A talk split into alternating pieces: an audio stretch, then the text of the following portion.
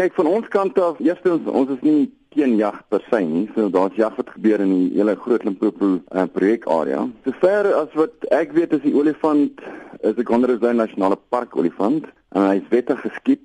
Die enigste ding wat ons nou besig is aan te werk is ons wil nie hê dis nie die haal dat hierdie groot olifant of hierdie spesiale diere as uh, hierdie olifant geskiet word nie. Want eintlik is hierdie tipe van diere is al lewendige of lewende museum. So wat ons nou besig is om te doen, ons besig om beleid te skryf om te kyk hoekom mense hierdie tipe van diere of hierdie spesies beskerm vir toerisme, en sodat hierdie tipe van olifante bewaar word vir die vir die breër doel van die oorgangspark. Daar's 'n spesifieke doel hoekom daar diere gejag word in hierdie gebied. Ja, kyk so, so kyk jag, die jag kan as dit reg aangewend word en reg gedoen word, kan dit obviously kan dit werk vir beide die gemeenskap en vir bewaring.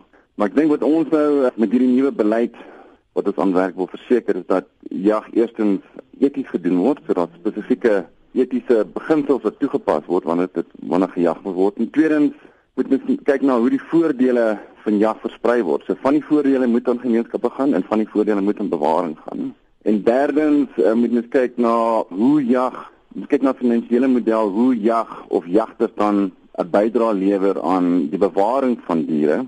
So met ander woorde, so byvoorbeeld hierdie olifant dis die drie lande of die of die parkerade van die drie lande wat wat basies betaal vir die bewaring van hierdie tipe van diere maar die gevoel is dat die jag moet bydra tot die bewaring van van hierdie ehm um, soos hulle noem wildlife estate van die oorgrenspark en dan as dit as daar geval is dat hierdie spesiale diere wel gejag word moet met jagters 'n groot premie betaal. Jy weet dit kan net 'n 50 000 dollar wees vir jag nie, maar 'n miljoen dollar wees en dan van die miljoen dollar moet dan basies gaan vir bewaring en vir gemeenskapsontwikkeling. So daai geld moet dan geoormerk word vir vir, vir projekte spesifiek in die bewaringsarea. Sile wil eintlik die jagters ontmoedig om hierdie diere te jag.